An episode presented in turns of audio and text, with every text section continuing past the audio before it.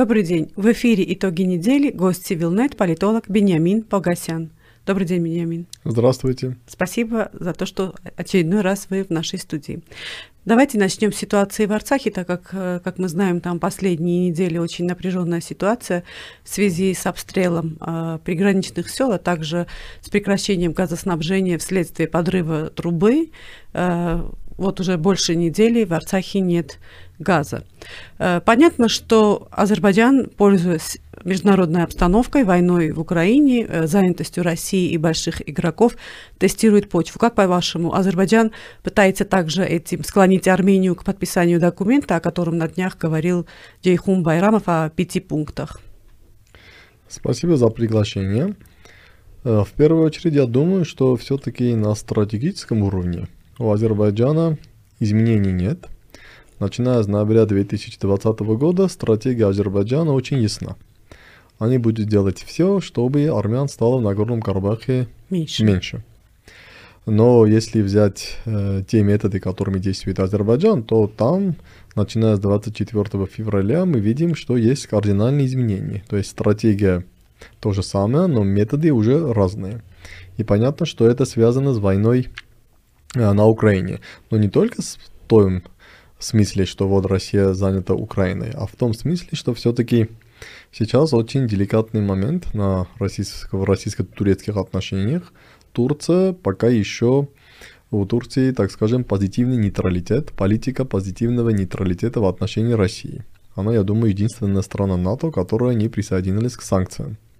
Понятно, что вот этот позитивный нейтралитет Турции России выгодно, и Россия будет делать все, чтобы не было никаких так скажем... Острых углов. Да, острых углов, углов между Россией и Турцией. А э, любая, любая проблема между Россией и Азербайджаном на Горном Карабахе, это может стать вот этим острым углом. И Россия сейчас четко видит, что э, Запад Соединенные Штаты очень тесно работают с Турцией, чтобы склонить Турцию, чтобы она присоединилась к антироссийским санкциям. Там был разговор между Байденом и Эрдоганом, Столтенберг был в Турции, сегодня канцлер Германии в Турции, сегодня в США прилетает очень огромная турецкая торговая делегация, и американцы предлагают резко увеличить товарооборот между Турцией и США. То есть Россия видит, что Запад делает шаги, чтобы склонять Турцию, чтобы он занял более антироссийскую позицию. Понятно, Россия не хочет этого, и Россия не хочет никаких острых углов. А все понимают, что если будут какие-то проблемы между Россией и Азербайджаном, в том числе и из-за Нагорного Карабаха, то это может стать вот одним из таких проблем российско-турецких отношениях. То есть из этого Э, что мы можем сказать, что если до 24 февраля Россия могла жестко отреагировать на какие-то шаги Азербайджана, то теперь, насколько я понимаю, Россия будет жестко отреагировать только если в Карабахе будут убиты российские солдаты. Во все остальные случаи Россия будет отреагировать очень мягко. Азербайджан это понимает, и он э, пользуется этим. Да, пользуется этим. Мы видим, вот есть экономический шантаж или экономический террор, есть психологический шантаж.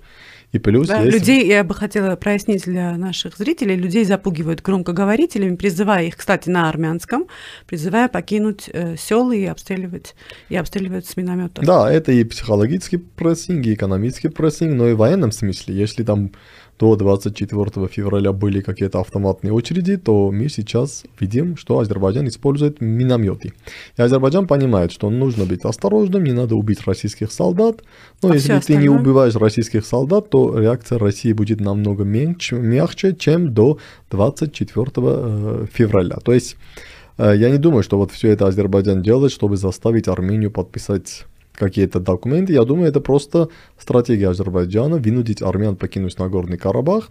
Просто сейчас у Азербайджана есть возможности использовать более, так скажем, широкие методы для того, чтобы достичь э, своей цели. И поскольку Республика Армения фактически отказалась от своей роли э, защиты безопасности Нагорного Карабаха, то, к сожалению, сейчас для наших соотечественников, которые живут в Нагорном Карабахе, наступили тяжелые времена, потому что э, они тоже понимают, что да, э, Россия реагирует более мягче, Армения ничего не делает, и, к сожалению, ситуация такова, что это уже становится выбором каждого человека или каждой семьи. Это даже не вопрос э, государственной политики Нагорного Карабаха, оставаться или нет. Уже ну, грубо говоря, каждая семья должна решать сам за себя. Он готов э, продолжать жить в Карабахе, где стреляют, где нету газа, завтра может не быть электричества, и где есть психологический прессинг или даже психологический террор. Или можно очень легко от всего избавиться, просто взять, я не знаю, 30 тысяч драм, взять такси и отправиться в Ереван. И, и тем не менее, э, Азербайджан заявляет о том, что он давно сделал предложение Армении. Речь идет снова, я отмечаю, о, о пяти пунктах. Вчера на днях Баку заявил, что он все еще ожидает ответа Еревана. Сегодня Ереван на уровне Министерства иностранных дел заявил о том, что э, Ереван ответил Баку, а также обратился к Минской группе, группе ОБСЕ с тем, чтобы начать переговоры с, с Азербайджаном. То есть это параллельные процессы. И, кстати, интересно, что пункты не раскрываются. Что вы думаете вообще о содержании этого документа? Документа? Что, что может быть там? Ну, конечно, можно сделать разные догадки или выводы, но понятно, что э, один из пяти пунктов – это признание Армении территориальной целостности Азербайджана, наверное, в рамках 1991 года или в рамках Советского Азербайджана, включая Нагорный Карабах. Я не знаю, там могут быть и э, другие пункты про какие-то экономические коридоры и так далее и тому подобное. Не знаю, почему наше правительство не опубликует э, эту бумагу и непонятно, почему мы не опубликуем наш ответ. То есть странная ситуация. Министерство иностранных дел говорит, что он ответил непонятно что, непонятно чему.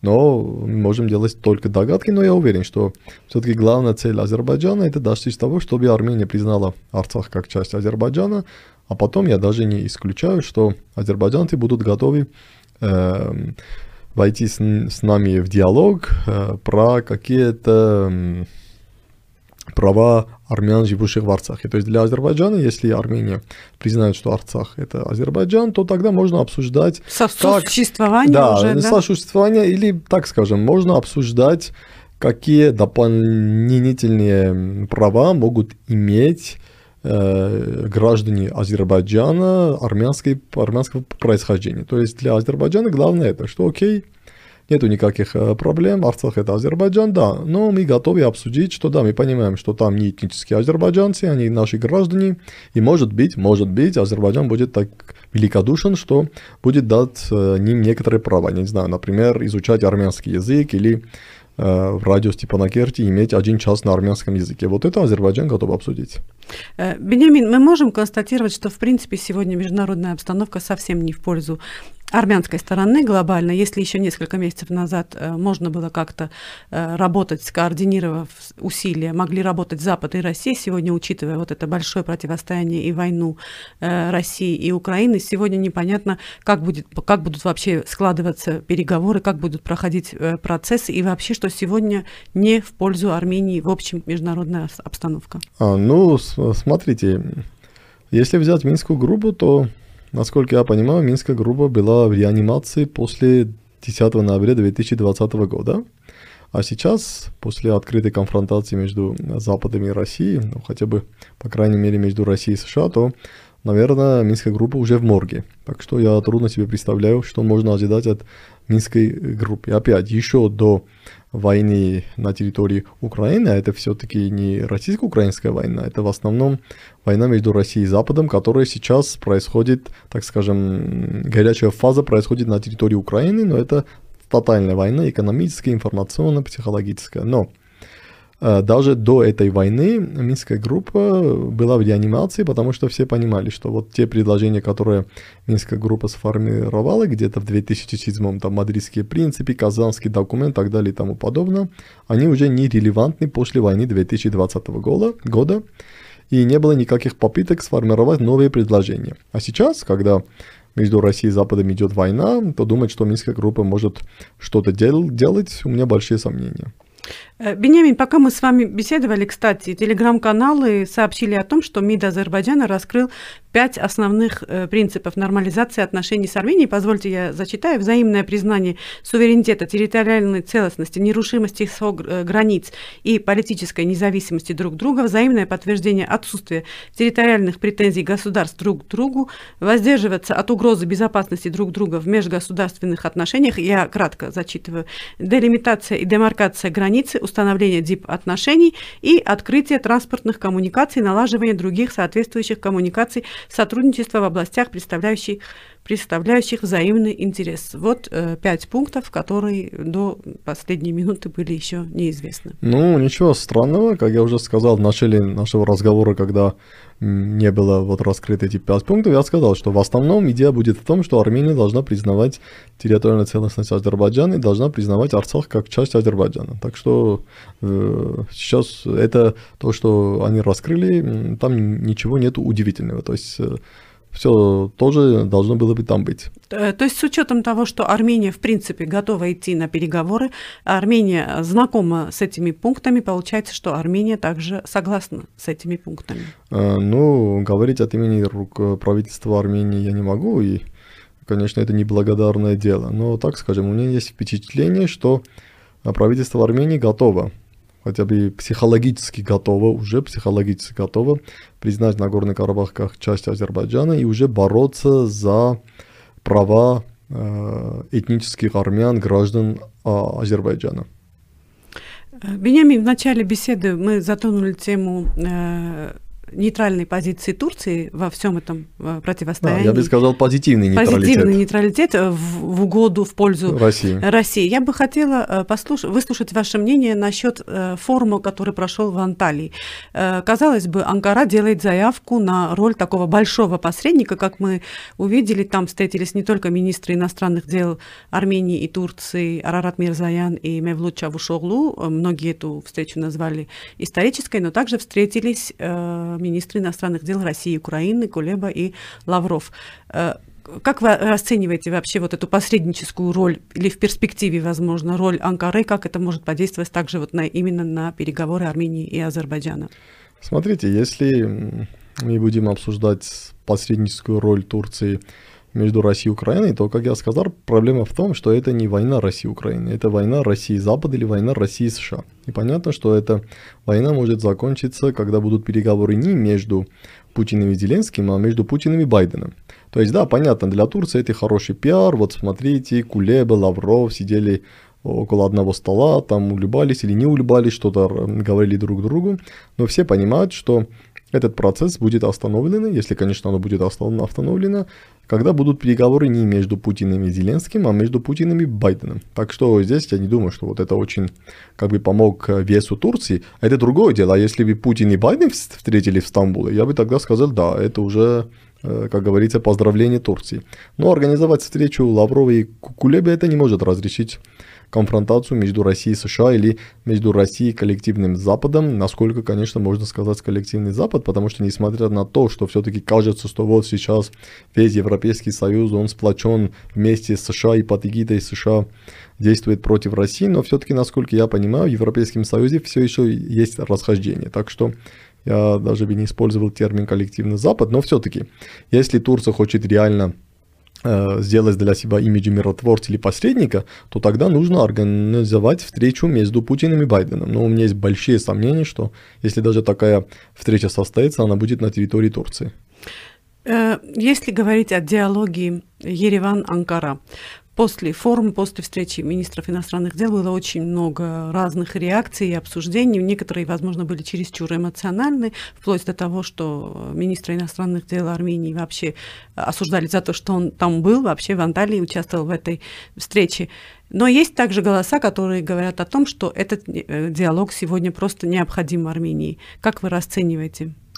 Э, смотрите, диалог или процесс нормализации Армении и Турции, вот нынешний, нынешний процесс, это результат договоренности между Россией и Турцией. То есть была договоренность между Россией и Турцией про э, геополитическую структуру э, Южного Кавказа после войны 2020 года, войны в Нагорном Карабахе. И в этих договоренностях есть и пункт о том, что да, отношения между Арменией и Турцией должны нормализоваться. Понятно, что если Турция договаривается, что они должны нормализоваться, Турция не будет против этого процесса. И понятно, что если Россия договаривается, что будет начат армяно-турецкий процесс, понятно, что нынешние армянские власти, они не могут сказать да или нет. То есть здесь даже это не вопрос, что хорошо сделал Мирзоян, что пошел в Анталию и не пошел. Он мог даже и не перейти в Анталию, но факт остается фактом. Решение принято на уровне России и Турции, что на Южном Кавказе должна быть нормализация армяно-турецких отношений. И понятно, что у России есть рычаги на нынешнее правительство Армении, чтобы заставлять правительство нормализовать отношения с Турцией. То есть все остальное, там Рубиняев встречается с Киличем, э, там в Москве, потом в Вене, люди говорят, о, смотрите, первый раз в Москве, это означает, что это Э, вот влияние Москвы, вторая встреча была в Вене, это означает, что уже влияния Москвы нет. Это все, как говорится, э, разговоры на медиахайп. Э, в реальности пока действуют российско-турецкие договоренности по геополитике Южного Кавказа после 2020 года. Этот процесс будет продолжен, и этот процесс будет завершен решением устанавливать дипломатические отношения между Арменией и Турцией. Что может помешать этим российско-турецким договоренностям? Только две вещи. Э, сценарий один.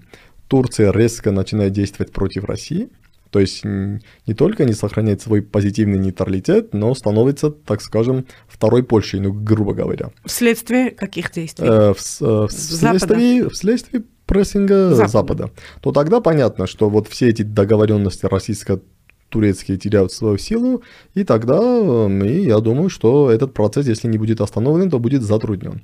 Или второй вариант, что из-за вот этого экономической войны против России, которую сейчас э, ведут США и Европейский Союз, в России начинается внутренняя нестабильность, там, не знаю, Многие говорят там государственный переворот или голодные бунты. Понятно, что Россия далека от всего этого, но все-таки, если будут какие-то внутренние э, проблемы у России, то тогда это тоже может повлиять на то, что вот эти договоренности между Россией и Турцией не будут действовать. А если не происходит ни первого, то есть Турция не становится антироссийским, и второго, нету таких э, очень крупных внутриполитических проблем в России, то тогда договоренности остаются в силе, Армения выполняет то, что договорились с Россией, а все остальное, кто с кем встречался, кто что говорил там и так далее и тому подобное, это уже, как говорится, шоу для публики. Э, если несколько продолжив ваш э, последний ответ, я бы хотела вернуться снова к глобальной повестке, снова в ситуации войны э, в Украине. Много очень дискуссий о том, как может закончиться война в пользу Запада, Украины, в пользу России, как это может подействовать вообще на Южный Кавказ и, в частности, на Армению. Какой исход для нас, ну, возможно, нельзя сказать положительным будет, ну, хотя бы приблизительно положительным. Но понятно, что этот процесс не может закончиться в пользу Украины, а потому что у Украины есть все шансы превратиться в какой-то микс Афганистана, Сирии и Ливии. А понятно, что у одной страны это не очень хорошая перспектива, но боюсь, что это просто неизбежно. Э, как может это закончиться в пользу России? Смотрите, насколько я понимаю, все-таки в Москве есть четкое понимание, что контролировать всю Украину они не смогут. И понятно, они не хотят, чтобы это было Афганистан 1980-88 год. То есть погрязнуть... Э, да, да, они этого не хотят, но они будут делать все, чтобы Украина или часть Украины не была таком состоянии, чтобы не то, что быть членом НАТО, а чтобы вот территория Украины не была использована против каких-то, чтобы Запад не мог создать плацдарм на территории Украины против России. То есть сейчас... Так называемый нейтральный статус. Да, это будет или нейтральный статус, или это может быть действительно какой-то микс Сирии, Либии, Афганистана, но здесь проблема в том, что многие на Западе говорят, что вот это будет ужасно для России. А Россия говорит, что, извините, ребята, вот Сирия, Афганистан были несколько тысяч километров от Европы, но даже вот этот миграционный кризис 2015 года создавал крупные проблемы для Европы. Так что если Европа, например, Польша думает, что вот э, иметь в соседстве какой-то микс Сирии, Афганистана и Ливии, 600 тысяч квадратных километров, 40 миллионов человек, это не будет проблематично для Польши, это не будет проблематично для Румынии, для Венгрии, для Словакии или э, для Европейского Союза в целом, то Россия говорит, что извините, ребята, вы ошибаетесь. Да, иметь Афганистан на территории Украины это очень плохо для России, но это очень плохо и для Европейского Союза. То есть, э, если вы не э, хотите принять наши требования, а требования они все-таки четкие. То есть демилитаризация, то есть в Украине не должна быть армия или должна быть очень слабая армия. Крым, ДНР, ЛНР границах Донецкой и Луганской области должны быть официально признаны Крым как эм, в составе России, ДНР, ЛНР как независимые государства. Понятно, сразу после этого там будут референдумы, они тоже будут входить в состав России. Это как минимум. И так называемая денацификация, что означает запрет на всякие рода организации, там правый сектор, какие-то националистические батальоны, Азов, Айдар и так далее. Россия говорит, что если Запад не готов принимать эти условия, то тогда окей, мы играем на превращение Украины в Сирию и Ливию. Если украинская Эм, то есть и украинские элиты думают, что это для них хорошо, ну тогда посмотрим, кому будет хуже. То есть понятно, что всем будет хуже, понятно, что э, самым крупным проигрышем это все будет для Украины, а будет это более ужасно для России или для Европы, мы еще посмотрим. Спасибо, Бениамин, за интересную информативную беседу. Спасибо. Напомню, в студии Сивилнет был политолог Бениамин Погасян.